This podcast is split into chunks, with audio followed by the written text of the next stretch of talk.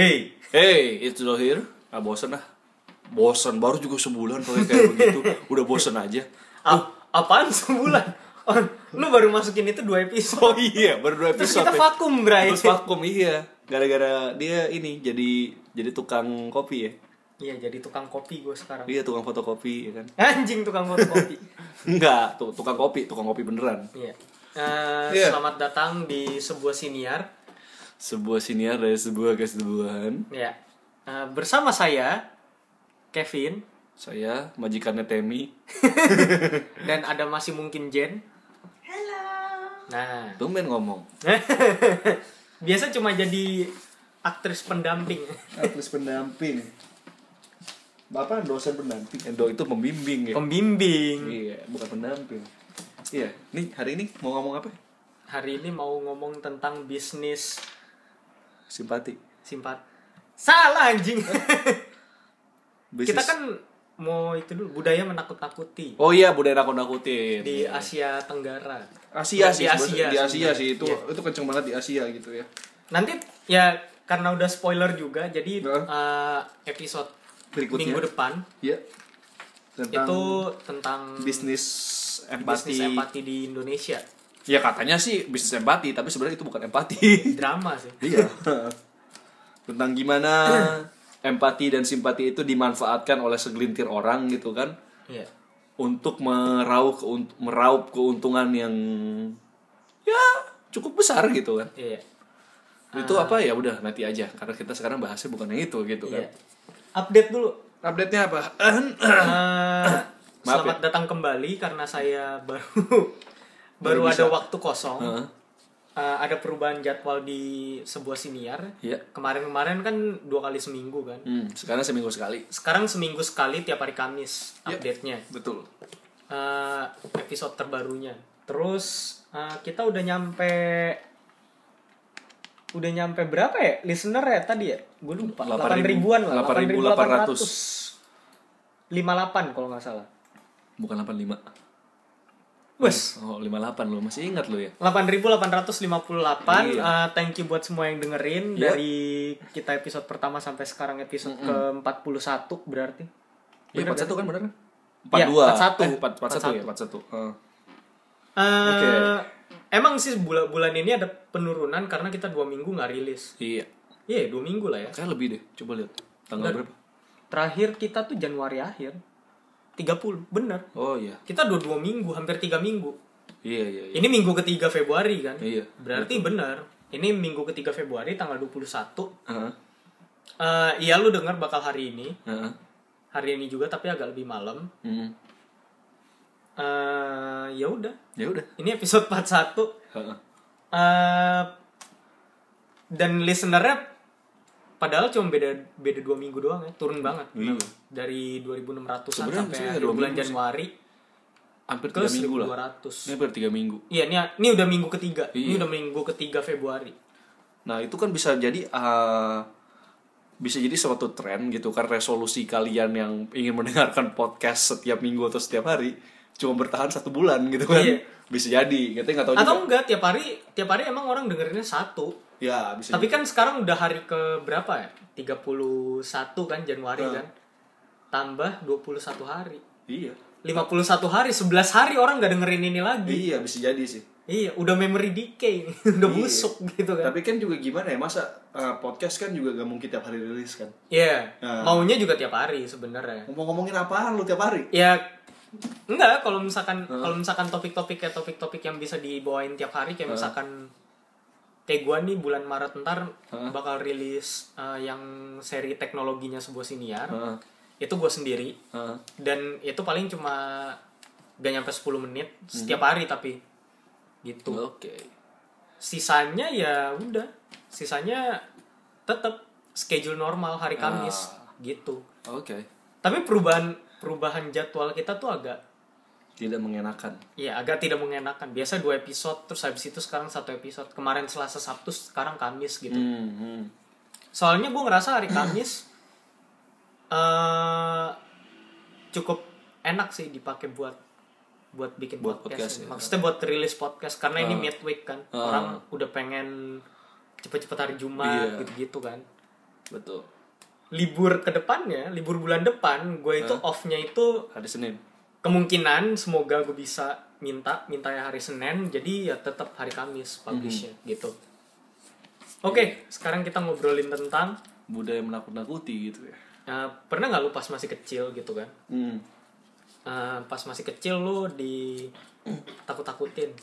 Ntar kalau misalkan kagak makan telepon polisi nih ntar kalau nggak nggak minum jus telepon polisi gitu. Pernah gue kayak gini sih kalau masa kecil gue ya. Kan gue sekolah di Cipinang.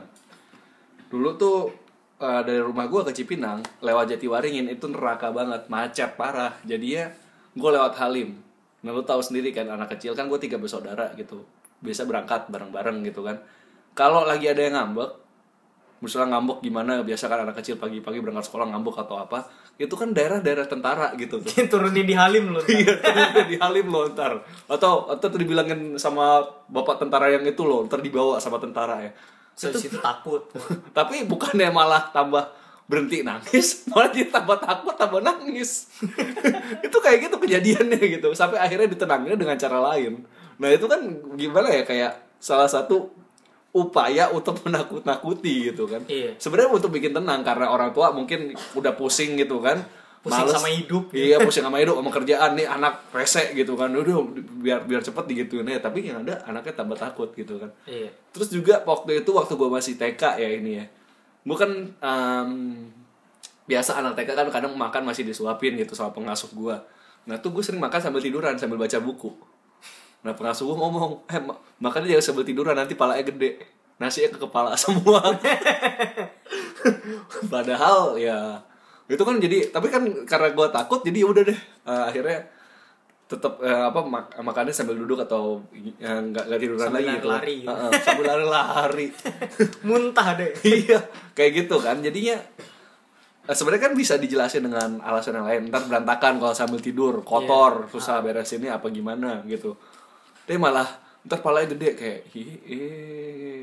Nah, itu tuh gue baru tahu soal mitos kepala gede itu tuh pas kelas 4 SD apa kelas 5 gue lupa yang belajar tentang pencernaan ada gerakan peristaltik. oh iya gerakan peristaltik Jadi kan kalau dari Kerongkongan. kerongkongan ke lambung itu kan udah ada salurannya jadi nggak mungkin ke mana-mana gitu kan.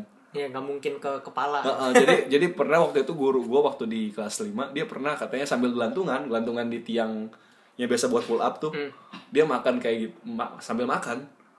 Untuk untuk ngetes kan gelantungan kan balik kan kepalanya di bawah kan. Iya. terus jadi sambil gitu sambil nelan eh tetap aja masuk ke, ke ke, ke, lambung gitu kan. Karena gerakan peristaltik itu gitu. Tapi pas itu gue kayak oh gue dibohongin sama pengasuh gue gitu. Tertipu saya anjing. iya gitu. Dan nyadarnya pas kelas 4 kelas 5 SD gitu kan. Kelamaan. Iya kelamaan nyadar ya Kayak gitu tuh. Itu contoh-contoh salah satu dari ca- cara menakut-nakuti Anak kecil gitu ya Iya. Kalau lu gimana? Waktu Eh, kecil ya?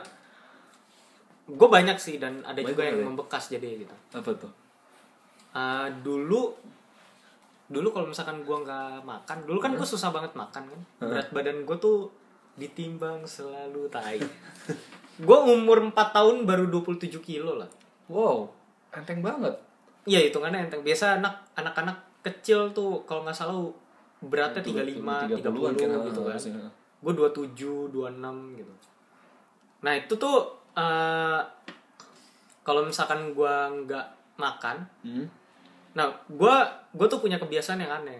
Apa tuh? dulu karena gua seneng banget sama coklat Heeh. gue mencampurkan coklat ke makanan apa pun.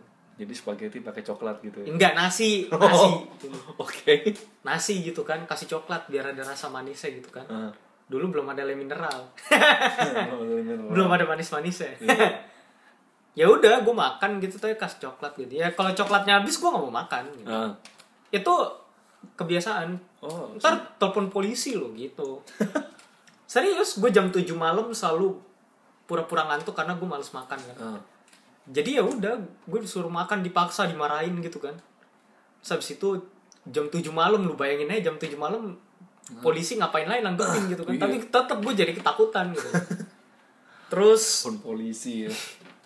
terus eh gue dulu seneng dikurung di kamar mandi. Hah? iya. Seneng dikurung bukan seneng gue suka suka dikurung Oh, gue kirain lu seneng Sama bersuka cita karena dikurung. bukan. Kebalikannya gue malah teriak-teriak gitu. Oke. itu yang mengakibatkan gue jadi takut sama tempat sempit. Oke. jadi kalau misalkan ada kayak gue lagi di dalam angkot tuh Hah? Udah 46 terus habis itu nambah lagi abang-abang kerupuk gue keluar. Oh, gue kagak mau gitu kan karena terlalu rame. Atau kalau gue ada- duduknya di luar gitu. Udah udah 46 atau mungkin beda tinggal satu space lagi ada ibu-ibu mama iya. cukup besar bawa belanjaan dari pasar. nah, gue mendingan keluar dia masuk gue di deket pintu gitu. Iya. itu buat mengantisipasi paniknya gue Eh, dulu gue sering dikurung Gara-gara? karena misalkan nih gue kan gak suka gue gak suka makan. Terus habis itu gue gak suka minum-minum makan buah makan sayur gitu apalagi kan Heeh. Eh, disuruh minum air jeruk gitu kan At- sama minum jus dulu gue jijik banget sama yang namanya bau tanaman Oke. benci banget jadi kalau minum jus gue tuh suka muntah dikurung itu Ah. kurung di kamar mandi terus di lampunya dimatiin Buset. gue teriak-teriak itu panik banget Oke. karena gelap men mati gue gitu iya, iya, iya. Itu gue dulu ditakut-takutinnya kayak gitu dan sampai sekarang ya bebekas jadinya gitu Nah, kalau waktu ke anak-anak kecil kan ditakut-takuti kayak gitu ya. Gue juga, tapi pikir gue kayak gimana ya? Itu kan kayak udah dari zaman mungkin dari Firaun. zaman ya, Firaun. mungkin di Asia tuh udah dari zaman Genghis Khan gitu ya. anjir kubilai iya, jadi kayak udah dari zaman dulu banget leluhur kita selalu kayak gitu gitu kan. Dan Iya. Menakut-nakuti kayak contohnya kayak di budaya Tionghoa gitu ya.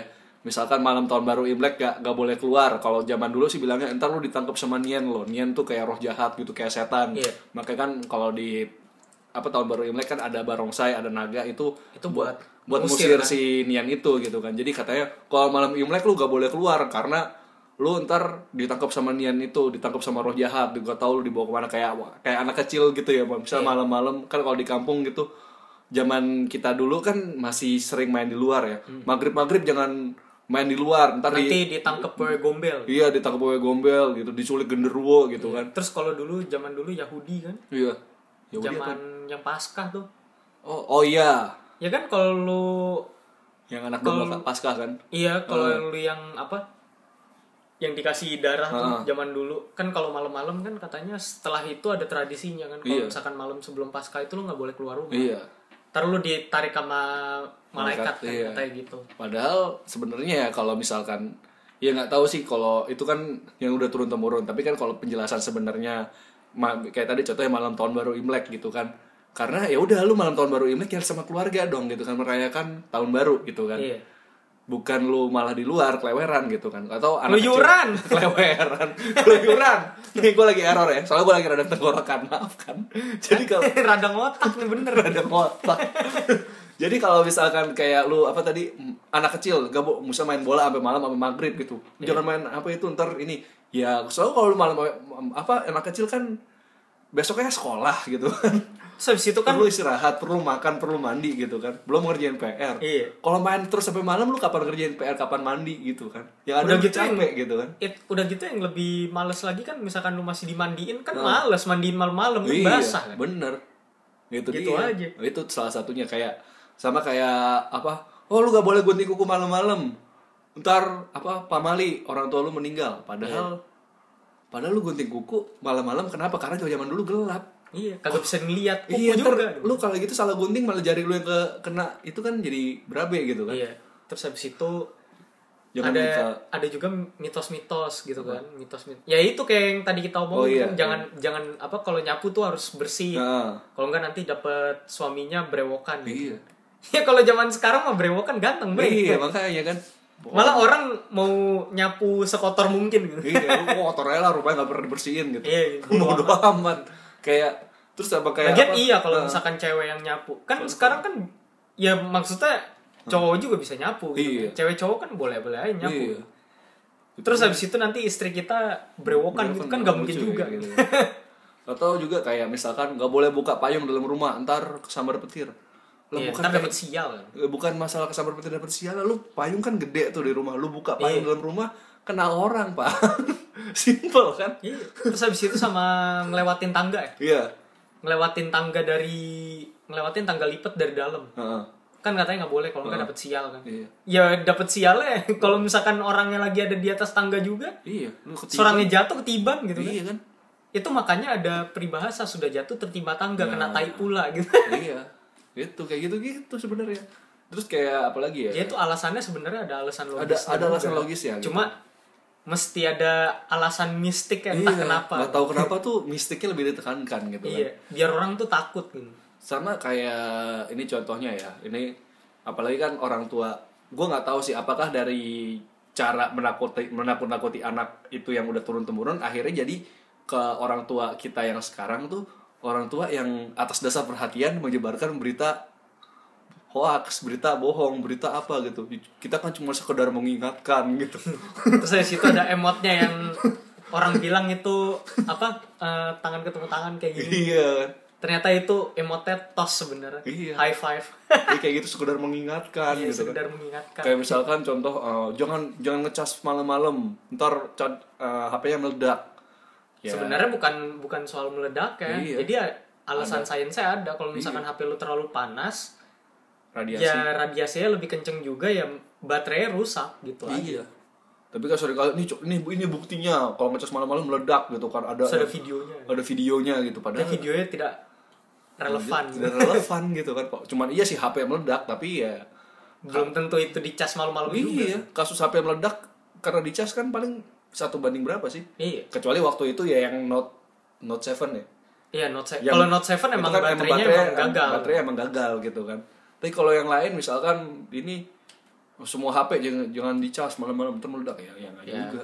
Ya sem- itu mah udah ada yang ngatur tai. Itu mah udah ada yang ngatur. Itu mah kalau lu dapet sial lu udah sial gitu. Iya. Kayak jadi kayak ada salah satu contoh lagi nih eh, karena kan gue gereja di CP ya. Eh, jadi waktu itu ada teman gereja gue sama dari grup keluarganya gitu kan. Ini ada satu foto anak. Katanya ke gereja di CP tanggal berapa eh diteleponin nggak nggak datang datang nggak balik balik gitu kan. Kebetulan pas gue ngeliat fotonya ini anak oh, kok gue kenal anak ini gitu kan. Terus kan gue juga tahu teman-temannya anak ini kan. Ya gue cari aja bener gak sih tanggal segitu? Gue lihat masalahnya itu kan tanggal kalau nggak salah dibilang tanggal gue lupa tanggal berapa pokoknya baru beberapa hari pas gue lihat ininya eh, itu apa namanya pengumuman itu dibuat gitu ya. Gue cari di teman-temannya sekitarnya nggak ada yang rame. Di Instagram nggak ada yang rame di WA nggak ada yang rame. Kalau emang bener dia hilang gitu kan dia diculik harusnya kan rame gitu kan. Harusnya kan udah teman-temannya yang gue tahu kan mungkin update di story update di WA atau macam-macam terus akhirnya jadi gue ngerasa nih kayak hoax gini. Terus akhirnya temen gue ini padahal umurnya udah 24 tahun gitu ya sama bapaknya dilarang ke gereja situ. Kamu jangan ke gereja situ ya lagi banyak penculikan. Kita kan perhatian emang kalau misalkan kamu diculik nanti gereja mau tanggung jawab. Lah banyak penculikan langsung generalisasi gitu kan lagi banyak penculikan di sana kamu jangan pulang malam-malam. Ya gimana ya gitu gue juga bingung sih gimana ya banyak penculikan dari sebenarnya bukan bukan soal gerejanya jadinya Iya. lu jalan jangan jalan-jalan ke CP Iya. udah intinya kayak gitu doang bisa sebenarnya kan iya di CP lagi banyak gak usah spesifik gitu Heeh. di CP lagi banyak penculikan padahal bukan di tuh- gerejanya yang banyak penculikan gitu. Emang tuh bener di CP ada penculikan kan nggak belum terkonfirmasi. Apalagi itu kan hoax, tapi kan langsung ngomong kita kan peduli, kita kan sayang, kita kan perhatian. Nah, iya ya itu nggak kan gitu Yang dijual sama yang dijual lagi. iya Yang benar mindset yang iya. dijual sama Orang tua kan orang kayak tua gitu. jadinya kayak gitu gitu jadi menghalalkan segala cara Jadi- atas nama peduli gitu Jadi padahal nggak akhirnya, juga akhirnya ya kalau kemarin gue lihat di infografik dari gue lupa web mana, Tirto kalau nggak salah ya. Tirto kan emang menyajikan infografik yang cukup mudah dibaca dan di dimengerti gitu kan.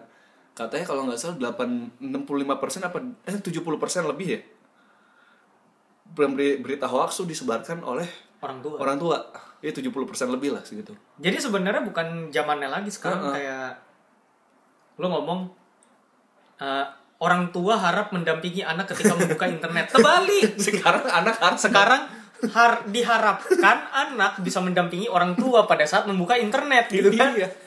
Karena kayak gitu nih lihat apa dikit Parno kan, ya namanya juga Terbalik. budaya Parno. Iya, karena gini menurut gua kita tuh lebih lebih bisa beradaptasi sama internet. Ah. Kenapa? Karena eh, kita tuh tahu internet dari kecil sampai sekarang gitu. Iya. sedangkan orang tua orang tua itu terbiasa sama uh, TV radio Heeh, gitu kan sama Maksudnya- koran. iya maksudnya media elektronik sama media cetak yang lebih Yang- uh, istilahnya lebih lebih dulu masuk gitu iya. kan Dan juga kan kalau TV, radio sama koran kan beritanya kan udah pasti bener gitu kan. bukan udah Lebih- pasti benar le- sih Lebih terjamin gitu. lebih terjamin Lebih terjamin pertama. kebenarannya gitu Uh, kan. terus kedua lebih apa ya udah ada filternya Iya, gitu, udah udah disaring gitu, gitu. beritanya jadi kalau misalkan berita yang nggak kredibel ya otomatis channel lu nggak bakal banyak yang Ah. nonton gitu kan Nah, tapi kalau sekarang malah berita-berita yang tidak kredibel yang banyak yang nonton gitu. ya. iya masalahnya di Malah TV banyak itu sebar. jadi banyakan yang kayak gitu gitu Heeh. kan sedangkan orang jadi pengen mengkonfirmasi via internet Heeh. gitu jadi terbalik Nah. sedangkan orang tua kita kalau pakai internet itu ya sama aja kayak kita pakai apa ya apa sih alat-alat yang kita nggak ngerti sekarang gitu apaan? kayak VR gitu VR. Nah. VR kan kita makainya cukup susah kan sebenarnya kan Nah. ya um- untuk umur 17 sampai 20-an Hmm. eh, masih mungkin gitu kan tapi kalau udah masuk 25-an kita udah Sebenarnya agak ignorant sama hal itu karena kita ngerasa itu nggak penting-penting banget Iya. gitu kan Tambah lagi kita miskin. Tidak sanggup beli VR. lah kan bukan soal beli VR-nya kita juga bisa nyewa kan ada Iya game sih. ada arcade-nya kan Cuman kayak nggak nggak worth aja gitu ya kalau misal main VR berapa duit? iya Cuman 20 menit kayak apaan sih Apaan nih? gak, gak, gak segininya dulu gue di time zone dua puluh ribu tuh udah sampai tamat Iya. main Tekken gitu Iya kan kan kayak dulu gue di rental 20 ribu apa misal 50 ribu main 20 menit gitu ya Iya. main VR dulu 50 ribu di rental berapa Udah jam sampai itu? besok aja. iya dulu kan rental PS3 tuh goceng gitu sejam Enggak, gue Gitu. masih ingat dulu ya. Hah? Dulu gue di Medan, Hah? bukan di Medan sih. eh, tiga jam dari Medan, namanya Pematang Siantar. Gue ke rental PS, Hah? PS3 kalau nggak salah. Iya. Gue cuma pakai 24.000 ribu. Hah? Itu gue udah seharian dari jam berapa tuh dari jam 8 pagi, sampai jam 9 malam. buset Jadi dia bilang, jadi limitnya itu lu Heeh. uh, nyewa 8 jam. Di atas 8 jam kalau lu udah pengen main seharian gitu, suka-suka lu. oh Jadi intinya kalau lu bayar 8 jam, lu udah bisa pakai seharian intinya kayak gitu. oh ya kayak gitu gitu kan Nah kalau misalkan lu 50 ribu anjing udah bisa dua hari gua main. lima puluh ribu cuman 20 menit gitu kan Iya. atau setengah jam doang kayak worth worthy gak sih nggak worthy lah gitu kan Iya, kayak ya menurut gua Heeh. apa ya? tapi lu Dulu kita juga main di dulu kita main di time zone berapa sih? 30 ribu juga Iya, udah 30.000 puas juga banget. udah puas gitu kan. banget, Padahal cuma sebentar gitu. Iya. Misalkan kayak 15 menit tapi banyak game Iya, yang banyak udah dijalanin. main arcade gitu kan tapi juga lu dua- misalnya main VR lu 8 jam juga mabok gak sih Enggak kan itu kan yang jadi masalah tuh lu itu lama dikalibrasi. ah Sedangkan kalibrasi di VR itu lu waktunya dihitung. oh iya Misalkan sih, 20 bener juga. menit nih kan. Ah. Terus habis itu kalibrasi lu 5 menit. Udah tinggal 15 menit lu main. iya itu tuh main VR tuh contohnya Iya. jadi kenapa kita gak gitu sama game-game VR ya itu sih makanya lu lihat aja youtuber-youtuber gaming di Indonesia ya Eh yang yang lu cari yang seumuran gua lah atau yang gak lebih lebih tua dikit yang main VR paling main VR cuman di videonya nih misalnya dia main Resident Evil VR gitu kan paling berapa menit doang nggak nggak dibikin walkthrough full gitu kan Soalnya emang pusing juga pusing sih. juga Ada batasnya itu. Heeh. Lu main gak bisa lama-lama. Iya. Kayak gitu tuh. Jadi contoh-contohnya begitu ya kayak itulah kurang lebih makanya tadi kalau gue bilang orang tua itu kan terbiasa udah dengan ini kredibel, ini udah disaring. Nah, kalau Iya, begitu dia dengan terima. teknologi yang lebih primitif Heeh. intinya kayak gitulah. Jadi pas dia dapat dari grup sebelah atau apa, dia udah dengan mindset ini udah kredibel. Ini udah disaring. Terus disebarkan dengan dasar perhatian, tapi taunya Atau menyebarkan atas dasar menye pengen menyebarkan. iya. Ada juga. Kayak ini meresahkan, mari kita resah bersama. iya, lu, ini lu ngapain? Lu resah-resah sendiri aja. Iya, nggak apa-apa dong biar kita resah bersama gitu kan. Biar, kan saya cuma mengingatkan, kan saya cuma menyebarkan dari grup sebelah. Terus emot high five. Iya, emot high five ya. Yang dikira emotnya Eh, ini ah, apa sih namanya? Apa tuh? namanya? Gini. apalah itulah. Yang- Iya, Ya, berdoa, kayak gitu. kayak yang- berdoa gitu. Heeh. atau minta maaf gitu kan. Iya, kayak minta maaf, Iya, gitu. Mengatupkan dua tangan anjing. Ya, Apaan lagi? ya kayak gitulah. Jadi ya, itu ya makanya karena dari budaya dulu-dulu udah ditakut-takuti. di budaya sekarang mereka juga dengan alasan mengingatkan perhatian tapi menakut-nakuti gitu kan karena Tapi kadang juga kita kalau nggak mau repot juga gitu sih. iya sih Intinya sih sebenarnya gini, orang tua kadang tuh nggak punya kapabilitas buat uh, Mengerti. buat bukan buat melakukan sesuatu untuk melarang. hmm. Jadi ya solusi paling gampang buat melarang ya itu takut-takuti nakut-nakutin gitu. Tapi bukan berarti mereka nggak mampu enggak. Hmm. Cuma mereka mungkin banyak pikiran atau lagi stres atau gimana kan kita nggak tahu kan. Heeh. Cuma memang ya kapasitasnya nyampe situ doang gitu. Iya. Ya bisa dimengerti sih sebenarnya. Cuma kalau terlalu banyak dikasih kayak gitu kan ditakut-takutinya iya terlalu banyak dibohongin gitu Iya. kan. Ya repot sendiri gitu. makanya jadi ya gak heran kalau dengan iklim pemilu 2019 sekarang kebanyakan yang itu terjadi tersebar mungkin kita sebagai generasi muda ah gila kita nggak nyebarin tapi kok kenapa Kenapa banyak? kenapa banyak ya karena orang tua jujur aja ya waktu itu ya kayak pas waktu imlek kemarin gue mampir ke salah satu rumah kerabat ketemu si tante si tante lagi itu tuh buka di YouTube soal apa Menggemparkan. iya kayak gitu Bla bla bla bla bla. Biasanya kan clickbait clickbait Uh, gitu. dia kan pro dengan ya masalahnya Salah satu calon presiden gitu. bukan uh, masalahnya Pak Ahok gitu kan Oh. yang katanya Pak Ahok mau nikah lagi dia dia dia dia nggak setuju gitu dia dia benar-benar cari buktinya uh, apa kesalahannya Pak Ahok apa gimana Uh, kayak kayak coba carilah kak bukti KDRT Pak Ahok dengan Bu Vero gitu makanya kenapa begini kenapa begitu habis itu mulai cherry picking kan tuh Mu- mulai cherry orang-orang picking, di ya. YouTube kan. mulai dia dia, dia lihat gitu jadi pas waktu gua ke situ lagi sambil ngobrol sama si tante dan keluarganya dia sambil nonton video itu terus dia itu di share lah ke grup WA di share lah ke mana kayak eh si tante gitu mati gitu ya Yang nggak gitu.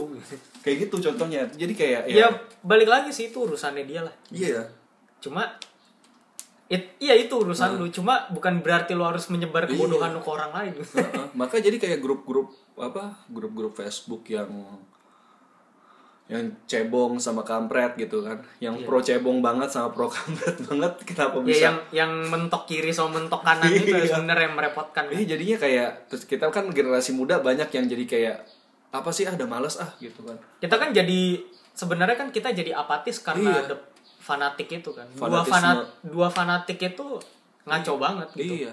Gak masalah lu dukung Prabowo, gak masalah lu dukung Jokowi gitu kan. Iya. Tapi ya udah nggak usah sampai ini kayak contohnya menyerang keluarganya kayak contoh waktu itu anaknya Pak Prabowo kan dibawa-bawa katanya dia desainer desainer biasanya begini gini gini Lalu Iya. mulai difitnah apalah yang buktinya nggak ada terus Jokowi foto sama Pak Jokowi foto sama apa cucunya cucunya dijadiin alat kampanye Iya. Apaan sih gitu apaan sih kayak ya wajar dong kakek sama cucunya foto Iya gitu. emang kagak boleh. emang nggak boleh gitu kan Itu kan masalahnya pribadi banget. Gitu. iya jadi penting kayak sebenarnya. mulai ke sana gitu kan Lu tuh lihat dari kapabilitas dan kapasitas. iya tapi jangan nggak usah nyerang pribadi nggak usah nyerang anak nggak usah nyerang cucunya ya cucunya ngerti apa gitu kan Iya. anaknya profesinya desainer bukan politikus ya Mm. ya udah Biarin biarin gitu. aja gitu kayak gitu Nah, gitu tuh Yang kayak gitu-gitulah eh, yang membuat orang-orang tua jadi paranoid. iya Setelah mereka paranoid, mereka nge-share asal gitu. iya mereka ngasih rasa tanpa fakta yang bisa dikonfirmasi. Tapi sebenarnya gak cuma gak cuma orang tua sih gitu. Banyak Anak juga muda sih, juga banyak banyak, juga. gitu. Apalagi yang emang maksud yang gesek gitu kan. Ada aja. cuman emang populasinya nggak sebanyak orang tua Iya, populasinya lebih minor. Cuma kalau menurut gue yang minor ini malah yang bahaya-bahaya gitu. hmm Soalnya mereka tahu apa yang mereka lakukan, mereka cuma nyebarin. iya Nyebarinnya kenapa? Karena mereka pengen orang lain takut. Udah, Iya. gitu aja. Kayak- Itu malah yang bahaya. Iya, itu juga cukup berbahaya gitu. Cukup berbahaya kayak komentator bola gua. cukup berbahaya ya. Karena itu deras gitu. Iya, karena itu deras ya. Terlalu deras. Terlalu deras. nah, iya. Udahlah. Terus ya kayak gitu ya. Jadi ya orang tua ngerti sih emang dia kan concern terhadap generasi muda gitu kan. Iya. Tapi kadang anak sebagai anak muda kita dikasih tahu kayak apaan sih mah, apaan sih pak, apaan sih tante, apaan sih om, lebay Kamu banget. melawan orang tua Kayak ya. kamu kan kita perhatian sama kamu. Ya. Dasar anak anjing. Anjing aja lucu lu enggak masalahnya. Ya dasar anak kurang ajar gitu kan. iya. Ya lu kenapa kurang ngajarin gua?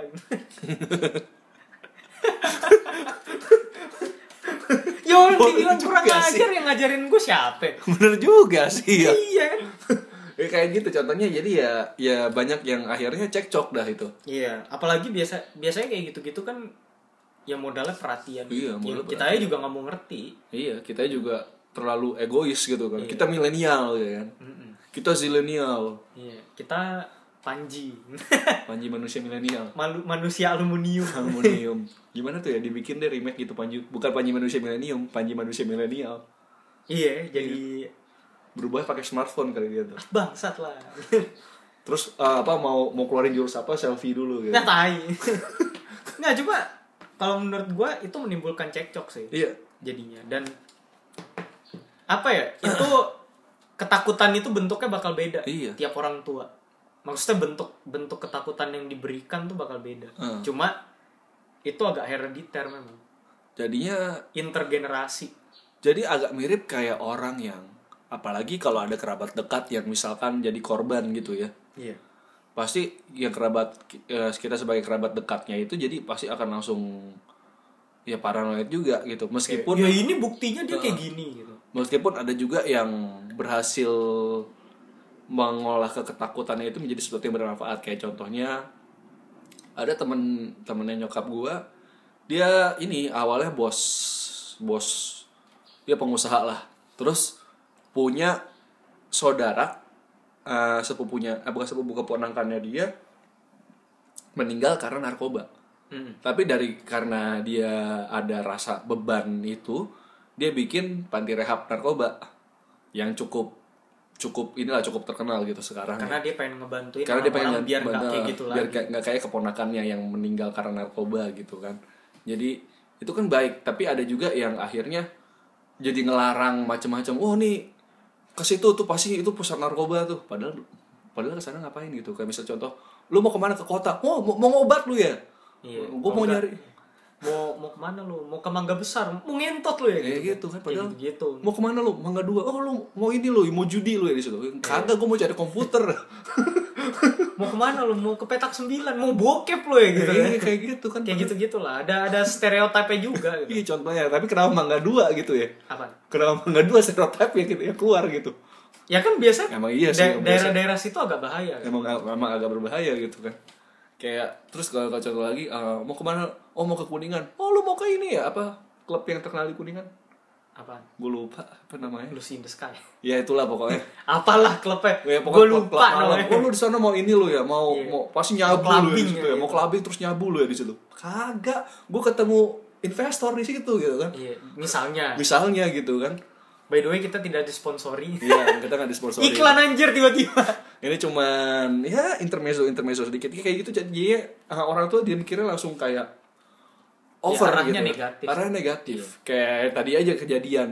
Itu berita orang hilang Ternyata katanya nggak hilang. ternyata nggak hilang. Itu nggak tahu tuh siapa yang nyebarin. Dan yang disasar pun spesifik gitu. Iya. padahal sebenarnya nggak segitunya. Iya. Maksudnya ya daerah Jakarta Barat gitu Grogol Iya. luasnya ngampun gitu kan. Makanya. Jadi kayak ya emang bener.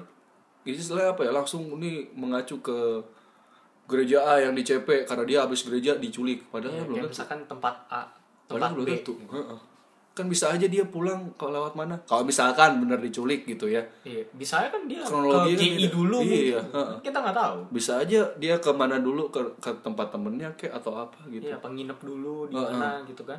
Ya gitu sih. nggak tahu. Itu nggak dicari tahu kebenarannya jadi ya ya biasa kan jadi kayak gitu. Jangan ke sana ya di sana lagi ada apa gitu. Ya kayak kayak apa ya? Kayak ya be- beda cerita sih sama kayak bencana alam. Heeh. Kayak misalkan jangan kanyer dulu soalnya iya lagi kalau itu beda. Ya kalau itu beda. Itu bencana alam kita nggak bisa tebak gitu kan. Itu mendingan diikutin aja Iya. soalnya emang serem beneran iya. Tapi kalau yang soal culik menculik apalagi beritanya agak kredibel itu, kan yang repot. itu belum tentu gitu kan. Iya. Atau yang repot tuh itu soalnya. Heeh. atau misalkan jangan lewat jalan ini ya karena rawan kecelakaan.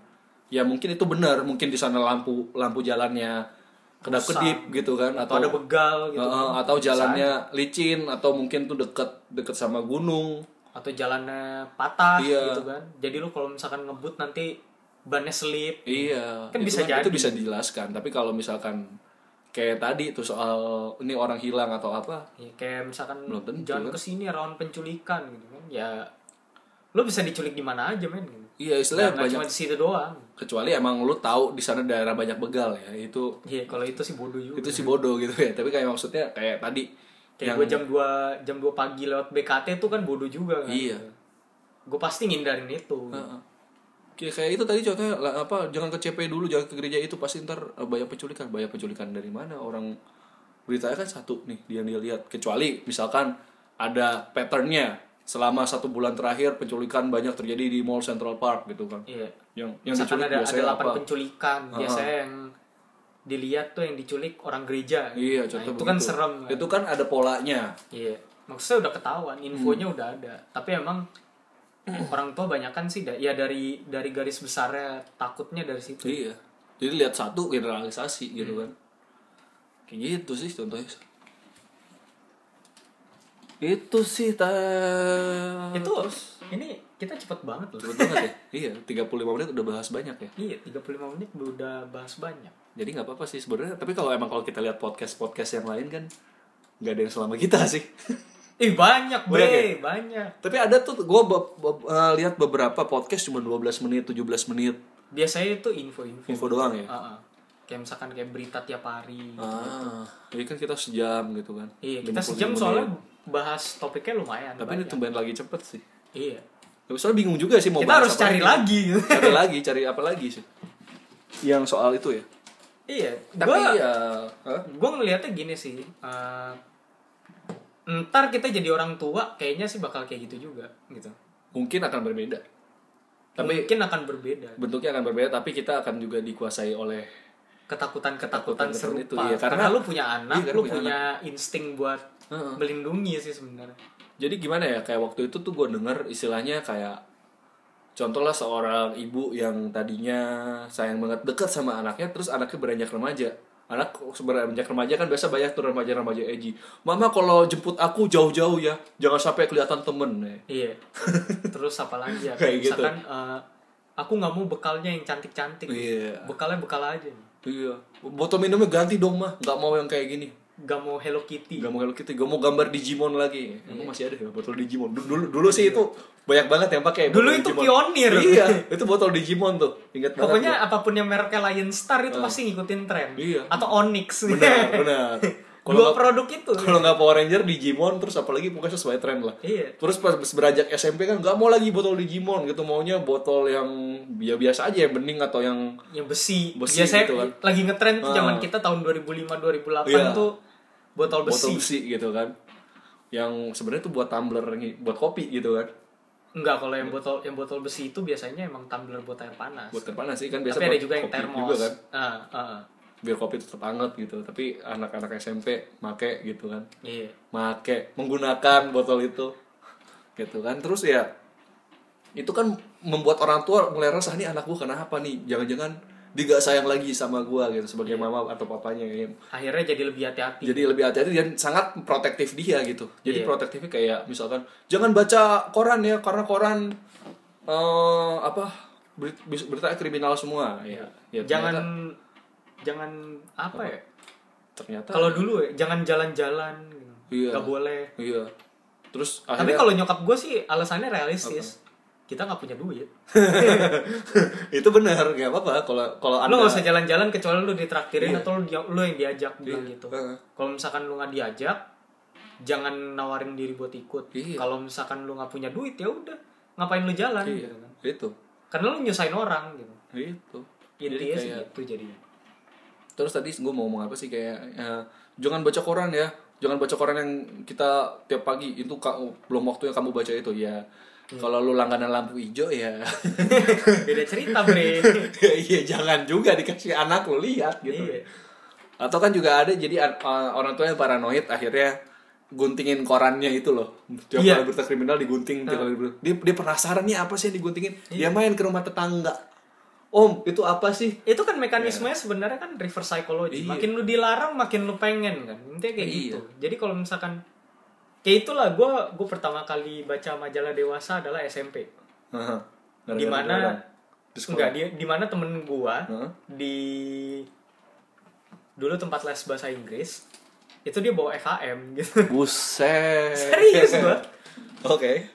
terus ya udah gue gue baca ternyata topiknya menarik anjir jadi Oh, nggak nggak melulu isinya jorok Iya, enggak gitu maksudnya iya foto-fotonya Emang yang ada ada gitu. bagian yang sure lah istilahnya Ah. gitu tapi sih saya menarik kayak misalkan gimana caranya berpakaian Hmm. eh, secara modis terus Iya. itu apa hidup sehat buat cowok gitu kan Iya. juga ada kan. ada ada satu rubrik Dapper Monthly kalau nggak salah itu jadi lu ngelihat eh, gimana cara berpakaian para artis Iya. yang terkenal terkenal selama satu bulan Iya. Kan keren gitu kan Jadi jangan bilang majalah Sure, majalah dewasa tuh isinya nggak kalau dibilang majalah pria dewasa tuh bukan berarti majalah porno Iya. Tapi gimana lu menjadi pria dewasa gitu kan? Iya. Jadi mungkin karena itu emang- bacaannya pria dewasa Iya. kayak misalkan ya ya itu kayak misalkan kayak FHM gitu For Him Magazine kan Hah. ya topiknya nggak melulu ke sana Iyalah. tenang aja kecuali lu baca kayak Cosmopolitan gitu atau lu baca populer udah jelas gitu kan. Banyakan isi ba- banyakan isinya foto kayak gitu daripada eh, topik yang relevan gitu. Iya. cuma mungkin ya topiknya relevan juga cuma nggak sebanyak majalah lain lah intinya Iya. kayak gitu ya sesuai namanya lah pria Iya. majalah eh majalah pria dewasa Iya. Pria majalah. pria gimana? majalah anjir Pria majalah dewasa gitu. tapi nggak menutup kemungkinan juga dan nggak melar nggak dilarang juga lu baca bobo Iya nggak masalah sih. iya gua aja masih baca gitu masih kan. baca? Iya. Gua sih. Kadang masih baca Dulu XY Kids masih baca Masih ada emang SYT? masih Oh. Dulu tuh yang gue baca Anime Monster sih. Game- Monster udah nggak ada Sama Game Station. iya sama Game Station Game Station udah nggak ada Iya. Ya iyalah dulu dulu tuh Game Station ya Hot Games ya ini buat kalian Wah anjir hot game teman-teman yang ini nih yang sekarang kan kalau kalian main game apa misalnya stuck ya tinggal cari aja di YouTube gimana cara ngelewatin ini lawan bos ini gimana nggak ada tuh kita dulu dulu. nggak ada. Dulu tuh kita ini- tuh sebulan sekali harus nungguin dan Atau- itu belum tentu gamenya ada walkthroughnya. Iya. atau kalau enggak eh, dari misalnya waktu itu ya contohnya ya gue main Final Fantasy itu. Ada tuh dulu teman yang punya Final Fantasy 1 sampai 9 tuh ada di waktu 10 malah. Game guide. Ya? Iya game guide. Ada tuh satu majalah itu.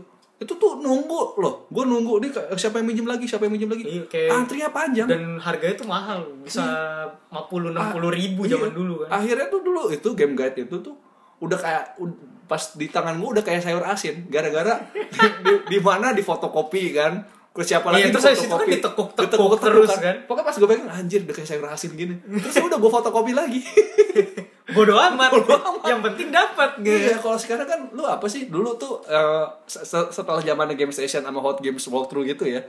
Ini eh, Game Facts. iya Karena Game internet Facts. udah mulai menyebar ya, udah banyak. Iya. Jadi Game Facts tuh misalnya orang dari Amerika, orang dari Jepang, eh kalau gue strateginya gini ngalahinnya gitu kan. Kita buka di sana gitu, tapi mesti buka facts-nya kan panjang gitu. Kalau sekarang gampang lu lihat aja YouTube. Iya. terus mulai sebenarnya sih abis Game Facts itu tahun 2009 Hah? mulai si ini orang-orang macam PewDiePie gitu Iya. itu udah mulai ada kan Iya. Let's Play-nya udah ada. Jadi Gue dulu namatin Prince of Persia dari tuh. situ ya iya gue namatin Assassin's Creed 1 juga dari situ jadi kalau misalnya sekarang nih ya menurut gue nih sekalian kritik sedikit tentang YouTube gaming YouTube gaming tuh dimulai dari situ 2009 Iya. 2008 gameplay orang main Fatal Frame sambil ketakutan sambil apa Iya. sambil teriak-teriak ya itu fun tapi kan dia ngasih lihat cara mainnya gimana? Itu si PewDiePie iya. Stefano. Main apa? Amnesia ya? Iya amnesia. Kayak Nggak, gitu. tapi zaman dulu juga apa ya dulu orang tua tuh Hah? percaya juga YouTube tuh isinya 17 iya tahun ke atas. padahal enggak padahal enggak gitu. Malah enggak ada kan. Iya. Dan mereka percaya kalau internet itu jahat. Iya internet pasti porno gitu. Iya internet Hmm, isinya banyakan porno gitu. Apalagi di sempat diperkuat dengan pernyataannya Menkominfo dulu kan. Internet cepat buat apa? Ya internet cepat buat apa gitu kan sulit kan jadi. Iya. udah gitu banyak yang diblok Nah, sekarang juga masih banyak sih yang di blok tapi ya udah berkurang. udah berkurang gitu kan.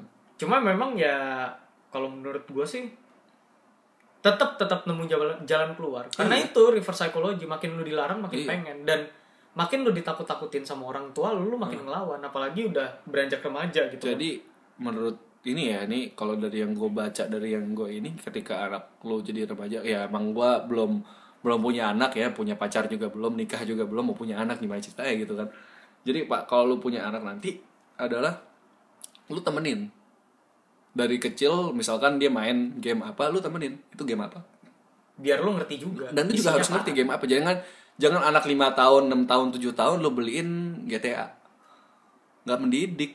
Jangan. Iya. gue dulu umur 9 tahun 10 tahun dikasih Resident Evil 3 adanya gue ketakutan. Ya, makanya. sekarang penasaran tamat gue iya gitu. Dia memang gak bohong sih maksudnya. Emang eh, bohong. Rating. Rating itu gak bohong. Rating tuh nggak bohong. Memang lu bisa naruh itu ke anak lo. Ah. tapi belum tentu anak lo bakal ngerti. Iya. intinya kayak gitulah. Kayak contohnya waktu ini ya ini gue ingat nih gue main Final Fantasy itu FF9 tuh gue main kelas 3 SD itu apa sih? Tin ya? Itu sebenarnya 12 ke tahun ke atas. Tin berarti iya. kan? akhirnya gue main itu gue ngerti bahasa Inggris pas-pasan. Kalah mulu lawan bos ini gimana sih? Akhirnya telepon teman telepon oh ini caranya begini oh caranya begitu. Terus kan karena uh, conversationnya kan pembicaraannya mau sih ke mana lagi kan di skip skip skip gitu kan. Iya. akhirnya karena lu males ini ke mana yang- lagi sih ini ke mana lagi sih? Akhirnya gue gak ngerti ceritanya apa. Terus pas udah SMP gue main lagi oh begini. Oh Baru ngerti. ceritanya begini. Jadi sebenarnya game tuh eh, bener deh. Eh, buat teman-teman mungkin yang masih remaja gitu denger ini gitu ya. Ya udah mainin aja sesuai dengan porsinya. Karena karena bisa jadi lu nggak akan ngerti juga gitu. Kalau misal lu main langsung yang ceritanya berat banget gitu kan atau terlalu sadis atau terlalu sadis. Gue dulu pas kecil pas kelas kelas 2 SD itu udah dicekokin sama Mortal Kombat. Wah. Sadis memang sadis gitu. Nih. Dan gue sempet ketakutan main itu loh. Gue sempet gak mau nyentuh itu kaset PS gue waktu itu gue main ada tuh game horror. Kalau Tekken sih ya bukan main. bukan Tekken. Enggak maksudnya kalau gue pas main, Main Tekken, Tekken. dulu biarpun itu tin gue main ya tetap aja. Iya. kayak Nggak serem soalnya. main apa ya tapi memang kekerasan selama lo didampingin sama orang yang lebih gede terus Ah. habis itu bilang kalau itu ya ini tuh Iya. selo ini game doang gak usah lo Iya. tiruin Ah. gitu jadi ya ya kayak gitu loh jadi dulu, dulu yang penting ada bimbingan dari orang tua dulu ada gue main game game horror juga gitu bahkan di Final Fantasy apa 7 ya. Enggak enggak pada saat if Iya pokoknya ini minjem minjem RE kalau nggak salah kalau nggak salah ya minjem RE 2 dari teman gua gue mainin gue mainin sama anci gua sama adek gua adek gua masih kecil banget Ah, Leon Kennedy Iya Leon Kennedy kan. kan ini baru di remake kan jadi bagus, jadi gacat tampan gitu ya dia. Iya. Itu kan dulu buat grafik kotak-kotak zaman dulu tuh suasananya kayak gitu tuh udah horor banget. karena itu unsettling Iya. Kan dan itu cici gua langsung ngomong enggak enggak enggak, enggak, balikin balikin.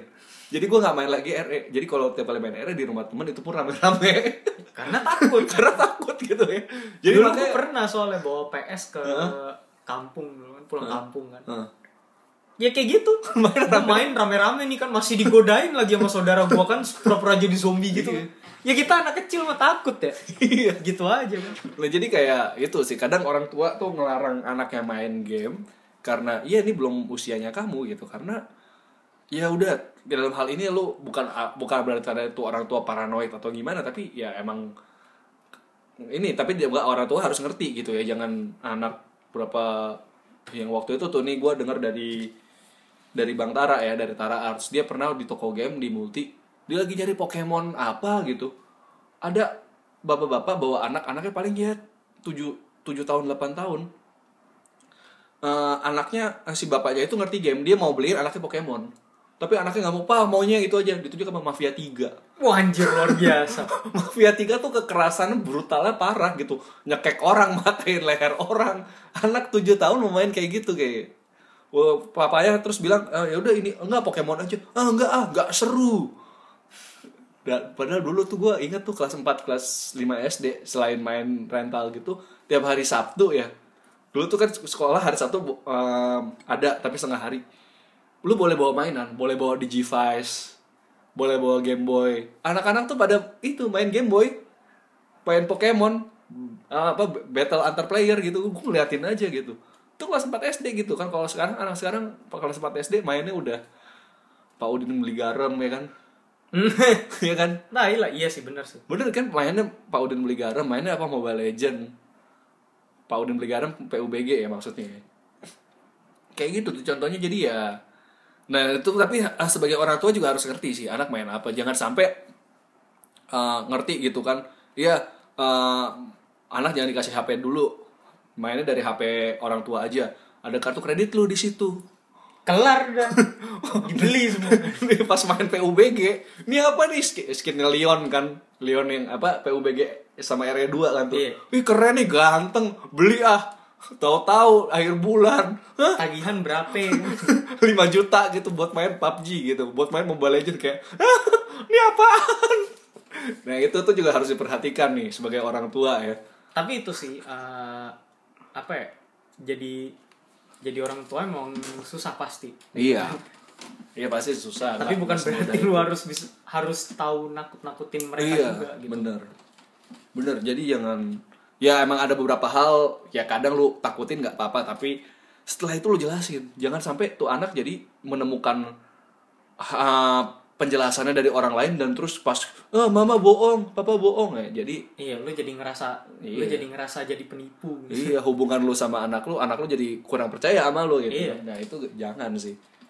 Gitu ya. Tapi kan kadang ngerti sih emang kadang beberapa orang tua ngomong gitu ya ini kalau misalnya anak-anak nanya soal yang tentang seks misalnya dia baru kelas 4 kelas 5 SD gitu. Ngejelasinnya gimana ke mereka? Nah itu juga agak susah sih. Ya silahkan cari pakar yang lebih ini ya daripada kita ya karena kita kan juga belum ini ya. Pasti ada sih. Banyak sih menurut gue sekarang kayak konten-konten psikologi itu udah banyak. Udah lebih banyak dibandingkan dulu. Dari para ahli dari siapa. Tapi pastiin kalau misalkan lu cari menurut para ahli siapa dokter siapa atau siapa empathy psikolog gitu pastikan dia bener orangnya jangan jangan terkayak Bernard Mahfudz lagi Ya kan bisa aja kan namanya disamarkan siapa terus pakai fotonya foto foto artis siapa gitu, foto karakter game gitu kan. Bilangnya ini dok, dokter beneran dari dari Skandinavia katanya menjelaskan ke apa anak kecil tentang seksualitas begini. Padahal hoax. Iya. Padahal bohong. Nah, itu juga harus dilihat kredibilitasnya gitu ya. Eh, jadi jadi panjang nih ngomonginnya nih. Padahal sebenarnya tadi kita udah ngomongin 35 menit ya jadi 51 menit nih. ya selu Gak apa itu itulah kita ya. Jadi ngobrol-ngobrol aja gitu kan. Seru dikembangin bisa aja ke mana-mana gitu kan. Iya sih, cuma emang ya itu intinya sih sebenarnya eh di saat lo terlalu paranoia Heeh. gitu kan, dan lo terlalu nakut-nakutin ya anak jadi penakut kan, Iya. gitu. Atau anak jadinya di stand sama lu. Iya, jadi berjarak lah. Jadi Jadi berjarak. jaga jarak sama lo. Jadi malas ah ngobrol, malas ah cerita sama papa, malas ah cerita sama mama karena mau jadi cerita, baru cerita dikit udah langsung tuh kan, tuh kan, udah dibilang apa ya. Memvalidasi paranoidnya si papa atau si mama gitu. Jadi anak Sebenarnya nggak boleh. anak jadi males gitu cerita sama orang tua gitu kan. Gitu sih. Ya udah itu aja ya paling dari kita ya. Iya. Ya udah segitu aja. Sampai jumpa di ngomong. Yeay. Iya, eh ya kesimpulannya itu sih. Kalau gue ya, ya udah. Kalau gue ngerasa kesimpulannya ya itu. Kalau lu misalkan makin banyak bohong atau makin banyak menakut-nakuti ke anak lu ya, Hmm. ngulang lagi dong. anak lu penakut atau anak lu kabur. Iya, ngulang lagi. Kabur sebenarnya. dari lu. Ngulang lagi sebenarnya. Apa yang tadi gua ngomongin? Biarin, biar panjang. ya udahlah. Ya udah Yaudah, segitu ya dari eh, kita. segitu aja dari kita. Eh, sampai jumpa di episode berikutnya belajar jadi manusia. Oke. Bye. Bye bye.